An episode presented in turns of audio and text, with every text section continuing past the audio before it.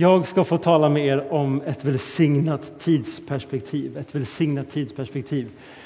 Jag såg en kalender för några år sedan när jag var lite yngre. Jag tyckte den var så konstig därför att jag var van att tänka att dag ett i veckan är måndagen och i den här kalendern så var det en söndag som stod som dag ett.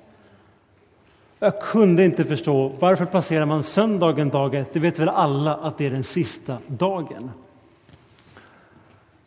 Och det där är en gammal sanning som har försvunnit mer och mer, att vi tänker att livet börjar med måndagen, men Gud har skapat oss för att börja med söndagen. Vad menas med det? Gud har skapat oss för att leva i hans nåd och i hans vila. Om man läser skapelseberättelsen så inser man snabbt att för Gud så börjar dagen på kvällen och slutar på eftermiddagen. Medan vi tänker att dagen börjar på morgonen och den slutar sen då på natten. Ja, men vad är det här för lek med ord? Vad betyder det? Jo, vad det betyder det är att Gud har skapat oss, alla människor, att utgå ifrån vila i honom och sedan arbeta tillsammans med honom. Medan det idag har blivit så att vi tänker att livet börjar med arbete och har jag tid så ska jag försöka att också vila lite grann. Och det var därför man förut gjorde kalendrar som började med söndagen, det vill säga man börjar med att vara ledig. Tänk om den första skoldagen var att man var ledig i torsdag. Så det kom ett brev ifrån läraren om att skolan börjar på torsdag. Jag tänker att ni börjar med sovmorgon och sen så ses vi på fredag. Skulle man tänka att läraren har fått dåndimpen. Men det är precis så Gud gör. Och det är därför jag har skrivit som er som introduktion idag för ett välsignat tidsperspektiv att vi börjar i Guds nåd. Vad betyder Guds nåd? Ja, ni ser en bild av ett vikingaskepp. Jag tycker det är bra att vi alltid kommer ihåg att vi är vikingar av själ och hjärta i det här landet. Det vill säga, vad är bilden av ett vikingaskepp? Jo, den illustrationen vill jag få ge till er som start för den här hösten. Det vill säga, båten berättar kan man säga är Jesus Kristus. Det är kyrkan, där jag får leva mitt liv i honom. Och I en vikingaskepp så finns det olika personer. Men det som är speciellt med ett vikingaskepp, till skillnad mot andra typer av båtar, det är att på ett vikingaskepp är var och en viktig. Och det är inte bara en slogan, alla behövs, alla är värdefulla. Utan i en sådan situation är varje människas funktion och delaktighet, förmåga, hög eller låg, av helt avgörande betydelse. Och det är så som Gud har skapat människan.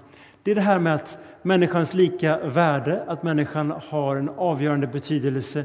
Att det inte bara är en vacker sak man sätter på en vägg, utan någonting som är på blodigt allvar. Det är inte en slump, tror jag, att varje människa har olika fingeravtryck.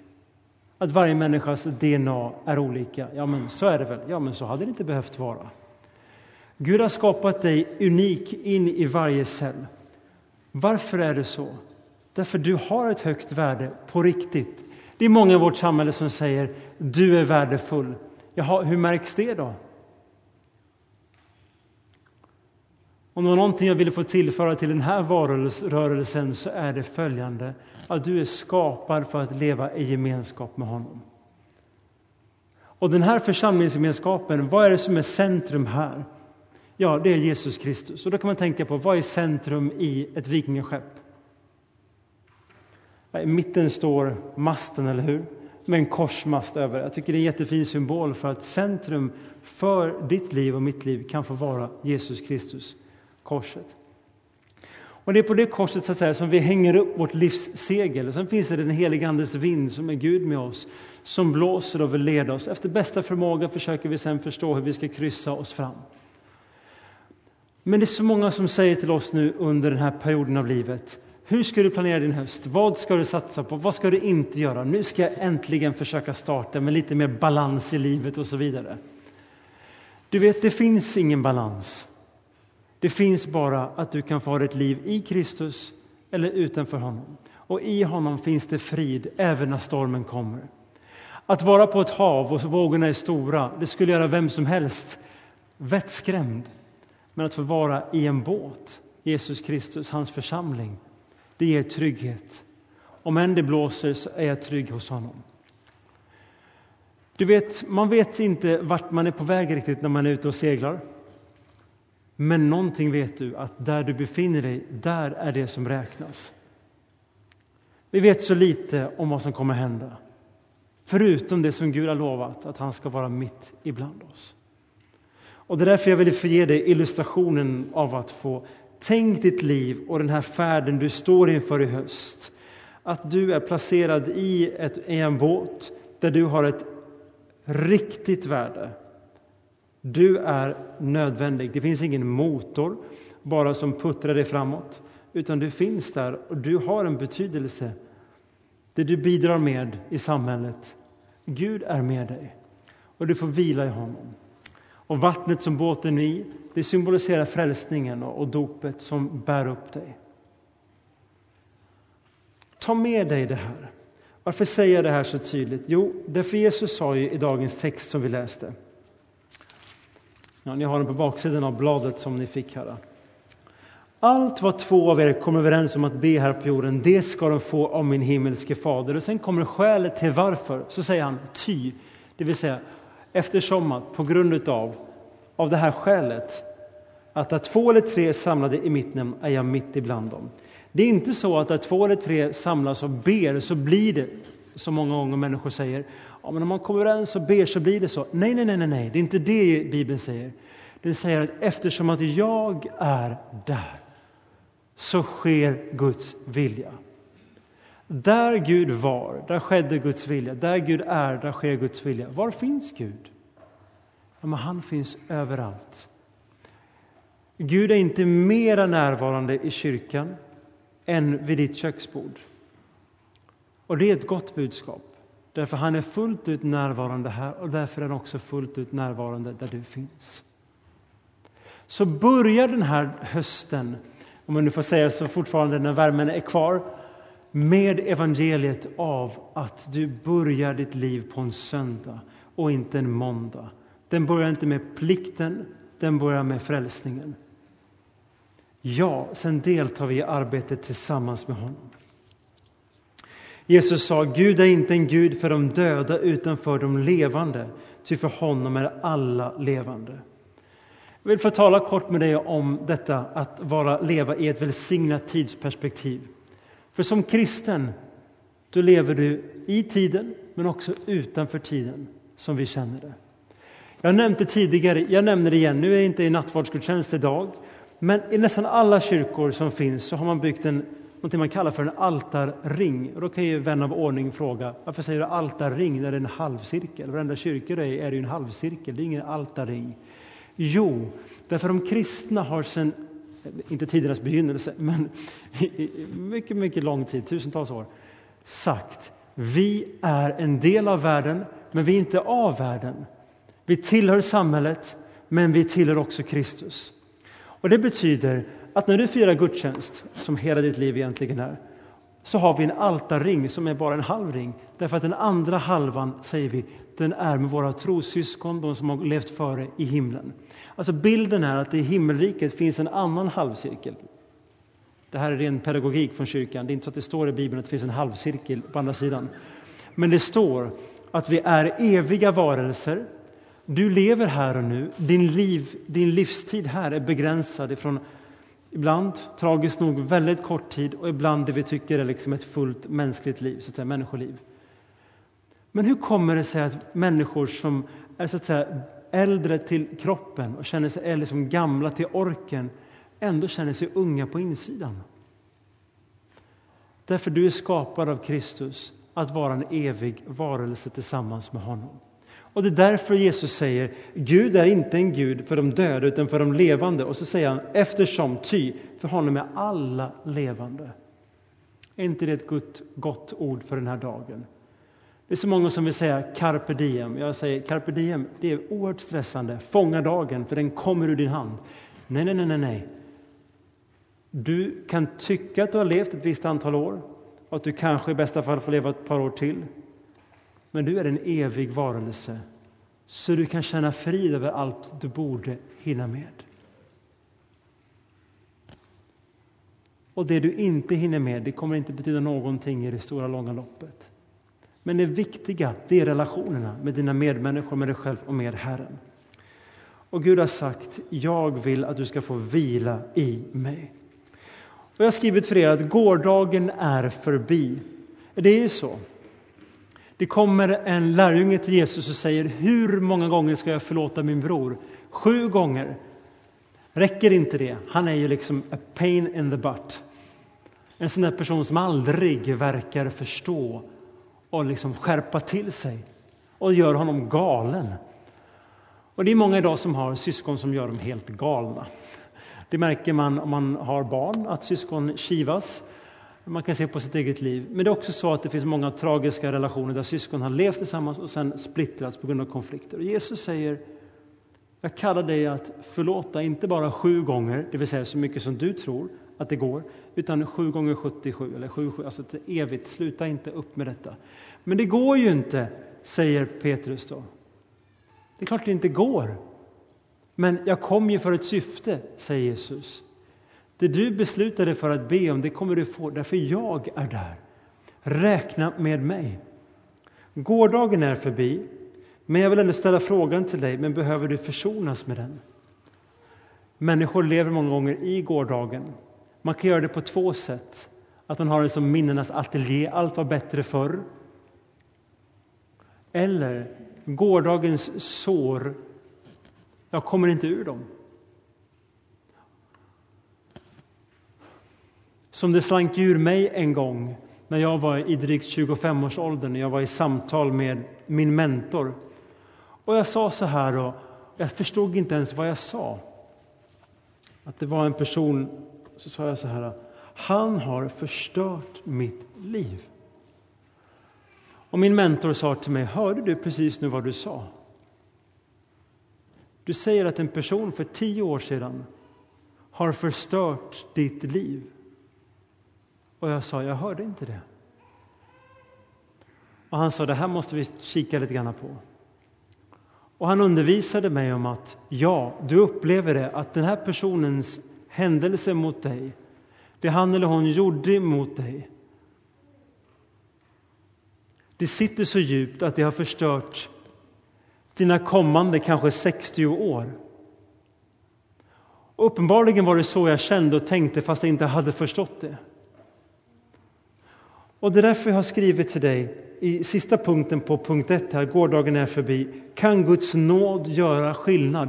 Det vill säga, om du räknar med dig själv i alla avseenden, då kanske det är så att gårdagens sår är så djupa, så svåra, att de så att säga, kommer hindra dig under all framtid du har. De är oläkbara. Men kan Guds nåd göra skillnad? Och jag har märkt det i mitt eget liv att så är fallet. Så är fallet att Guds nåd kan göra skillnad. För ibland säger människor, men det var så här det blev. Jo, det var så det blev. Men är det så det ska förbli?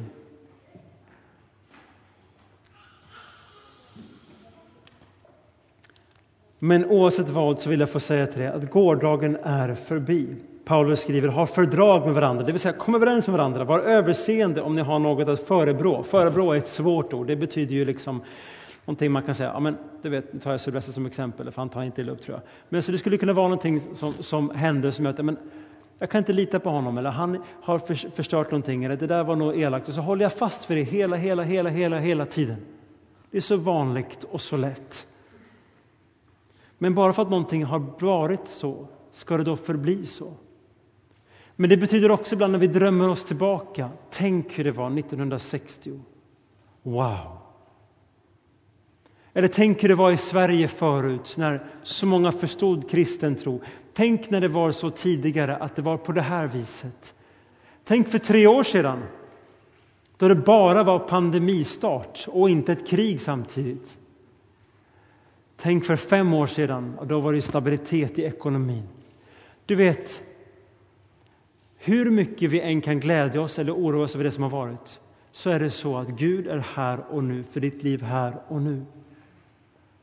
Och det är viktigt, därför gårdagen går inte att återskapa. Det andra jag vill säga för att påminna dig om idag är att morgondagen vet du ingenting om. Ni ser bilden av en bilruta där, du vet man, framrutan ska vara större än, bak, än backspegeln. Jag hade en period i mitt liv då min backspegel var lika stor som min framruta och min framruta var, ja den var ju fel proportion. Och nuet existerade överhuvudtaget inte för mig. Jag kallade det att jag var framåt och att jag var reflekterande. Och har lärt mig hur mycket språket kan göra att man döljer att man behöver mer av Guds nåd. Därför vet vi många människor som är så rädda för framtiden att de tänker att vi lever i historien. Det är så många människor som har svårigheter bakom sig att man tänker att amen, i framtiden då ska det förändras. Men vi vet ingenting om morgondagen. Vi vet ingenting om vad som händer över kröken. Det finns ett talesätt som är att vi ska planera för morgondagen, men vi ska leva för idag. Och det är mitt ord till dig. Du vet så lite om morgondagen. Vem hade kunnat sagt för ett år sedan att det skulle vara ett krig i Europa? Den allvarligaste säkerhetskonflikten som vi haft sedan 1939. Vem kunde tro det som var nyheten igår på, på, på, på nyheterna? Där Energimyndigheten går ut och säger att jag tror inte människor i Sverige förstår hur allvarlig energiförsörjningsläget är för vintern i Sverige. Människor måste förbereda oss att vi kanske kommer stänga av elverken i vissa delar av Sverige när det är som kallast och behoven är som störst. Vem hade kunnat ens tänkt de tankarna tidigare? Men så är det. Så är verkligheten. Men jag har skrivit till er, men Gud vet. Du vet, du vet inte, men han vet. Det är därför jag vill inbjuda dig att sätta dig i båten. Sätt dig i Jesus Kristus, i hans församling, i kyrkan så att säga. Vila i honom. Därför du vet ingenting, men han vet. Och Det är de goda nyheterna som behöver förkunnas i vårt land och till våra hjärtan. Och Det finns en vila i dem. För den som vill läsa mer hemma så finns det en bibeltext i Andra Mosebok 19.6. Och där beskrivs det att israeliterna har precis lämnat eh, en fångenskap i Egypten där de har varit i flera hundra år. Det var för 3000 år sedan. De har kommit ut ur Egypten, de bor nu i öknen och det är svåra omständigheter. Så säger Gud så här. Jag bar er ut på örnevingar ur svårigheter. Om ni nu håller fast vid mig så skall jag göra er till ett rike av präster och ett heligt folk. Och du vet, den sanningen är även idag. Det vill säga, det är inte villkorat Guds kärlek till dig, men livsvisdomen är om du litar på det Gud säger, att vi vet ingenting om morgondagen, men Herren kommer ta hand om dina bekymmer. Gårdagens trauma behöver inte definiera din morgondag eller din nutid. Och Gud är hos dig i med och motgång. Då kan du leva i den sanningen att du är skapad av Gud. Det är de goda nyheterna. Men jag vill framför allt få säga för dig, till dig idag att idag hjälper Herren. Alltså Gud vill göra dig modig idag. Det är många som lever i morgondagen därför att de är rädda för att leva i nuet. Omständigheterna idag känns så svåra eller så otäcka. Kanske drömmen man har vågar man inte riktigt lita på, så man tänker att i framtiden då ska vi vara med om detta. Jag planerar för morgondagen. Då. Men du vet ingenting om morgondagen. Och jag har slagits över hur mycket Bibeln pratar om idag. Tänk när Jesus föddes, vi firar på julafton, juldagen. Jag eh, pratade med Sylvester här om just detta att vi firar julen. Han är från England och då vill man fira julen på juldagen. Men vi brukar säga att man firar julen på julafton. Har ni tänkt på att den gång när han föds, då åker änglarna ut till herdarna och säger idag har en frälsare fötts hos er. Vi skulle väldigt gärna vilja att han kom en vecka innan och sa om en vecka föds Jesus så ni kan planera in det här i era liv. Och när Jesus förkunnar riket om himlen så säger han idag är Gud, är himmelriket hos er. Inte det kommer så sakteliga utan det är här och nu. Jag hittade en bild på en kalender som ni ser på bladet här, som är alldeles fantastisk, som är idag. Planera för morgondagen, planera in goda saker. Njut av livet och se fram emot goda saker framöver. Och hantera också svårigheterna. Men kom ihåg att du först och främst kallad att få leva. Och det är inte en slump att det är så mycket texter i Bibeln som handlar om här och nu ska du få erfara honom. Här och nu har du det. Vi har fyra olika värderingar i den här kyrkan, de finns på baksidan av, av själva gudstjänstbladet. Men varför lyfta fram värdering nummer två idag? Som är att genom Guds nåd vill vi visa kärlek till andra och varandra. Och notera att det utgår från Guds kärlek för människor och vi deltar i den. Och sen står det så här, genom att vara öppna för alla, visa omsorg om människor i nöd, uppmuntra varandra och söka försoning. Du vet, det här är stora ord, men det är inte våra ord. Det är Jesus Kristus som är öppen för alla. Det är Jesus Kristus som visar omsorg om människor i nöd. Och det är Jesus som uppmuntrar människor och det är Jesus som söker försoning. Och som kristen då har jag sagt, jag vill få tillhöra honom. Jag vill vara så att säga hans synliga arm eller fötter för det som sker. Ibland säger man i kyrkan, vi vill gå i Jesu fotspår. Det säger många tidlösa kyrkor. Vad betyder det? Det betyder att Jesus fortfarande vandrar omkring. Vi tror på en Gud som har levt, men som också lever. Och lita på att han också kommer att gå före dig in i det som du ska gå in i. Och tänk också så här, att det finns vänner och bekanta som du ännu inte känner. Det var som min fru sa vid ett tillfälle. Nya bekanta är bara vänner man ännu inte har lärt känna. Du vet, främlingar möter vi nu överallt. På arbetsplatser, i skolor, kanske på gatan, i trappuppgången, i den här kyrkan. Var generös med den tryggheten du kanske har fått, att du kan få ge den till andra. Försök att vara som till sinnes som Jesus var, som sa Kom till mig. Låt ingen hindra det. När du planerar uppstart av din grupp och så vidare, tänk på ni trivs tillsammans, men det finns andra som behöver er Kristusgemenskap. Öppna upp era hjärtan, öppna upp era dörrar och lita på att Gud har en väg också för det. Idag hjälper Herren. Kom ihåg bönen vi bad idag. Jesus säger ge oss idag vårt bröd för dagen som kommer. Våga lita på det. Tänk, det står inte imorgon Gud, ge mig det jag behöver.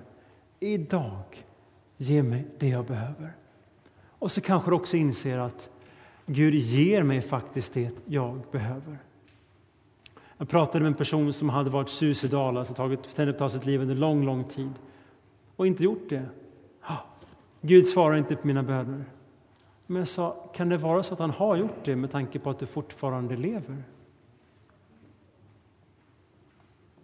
Tänk om du har fått ett bönesvar du ännu inte har sett. Mitt i kampen så kanske han agerat mer än vad du ännu har sett. Vi vet så lite, så låt oss därför hoppas på honom. Gårdagen är förbi, morgondagen vet du ingenting om och idag hjälper Herren. Och därför vill jag som avslutning få säga välkommen till idag. Jag levde under så lång tid med tanken på morgondagen. Jag kallade det för att vara planerad och organiserad. Men jag insåg att i min strävan att vara just detta så hade jag tappat bort Guds gåva till hela mänskligheten. Att jag ska förtrösta på att han är med mig här och nu. Liksom att han har sagt att morgondagens bekymmer, de bär jag åt dig. Och minst när Jesus mötte en människa så sa han så här, idag ska jag gästa ditt hem. Medan vi så lätt säger, vi kanske hörs av någon gång. Jag och min hustru planerar väldigt sällan nu in människor lång tid i förväg. Vi gjorde det förut, därför huset skulle vara fint och så vidare. Det skulle vara ordningställt och fin mat. Nu är det väldigt ofta det som hände igår. Jag ringde till en person och sa du, vi håller på att göra pizza här hemma just nu. Jag bara kommer tänka på det. Vill du komma över? Alltså, det är bara en halvtimme tills det börjar, men du är välkommen. Tack så mycket för inbjudan. Kan tyvärr inte. Nej, men du vet hur det är. Liksom, du är välkommen en annan gång. Det såg upp och nervända världen ut hemma. Men människor letar inte efter fina hem. De letar efter öppna hjärtan. Och Kristus är det mest öppna hjärtat av alla. Titta inte på dig själv, titta bara på honom så löser han så många andra saker därefter. Oj, oj, oj. Idag vill jag gästa ditt hem. Som slutord vill jag få påminna om salmen som finns i psalmboken som är en av Sveriges mest sjungna psalmer, 791. Vi ska inte sjunga den, men 791. Jag har inte tänkt i alla fall. Och där står det så här. Du vet väl om att du är värdefull? Och så fortsätter salmen med de här viktiga, gudomliga orden. Att du är viktig här och nu. Amen.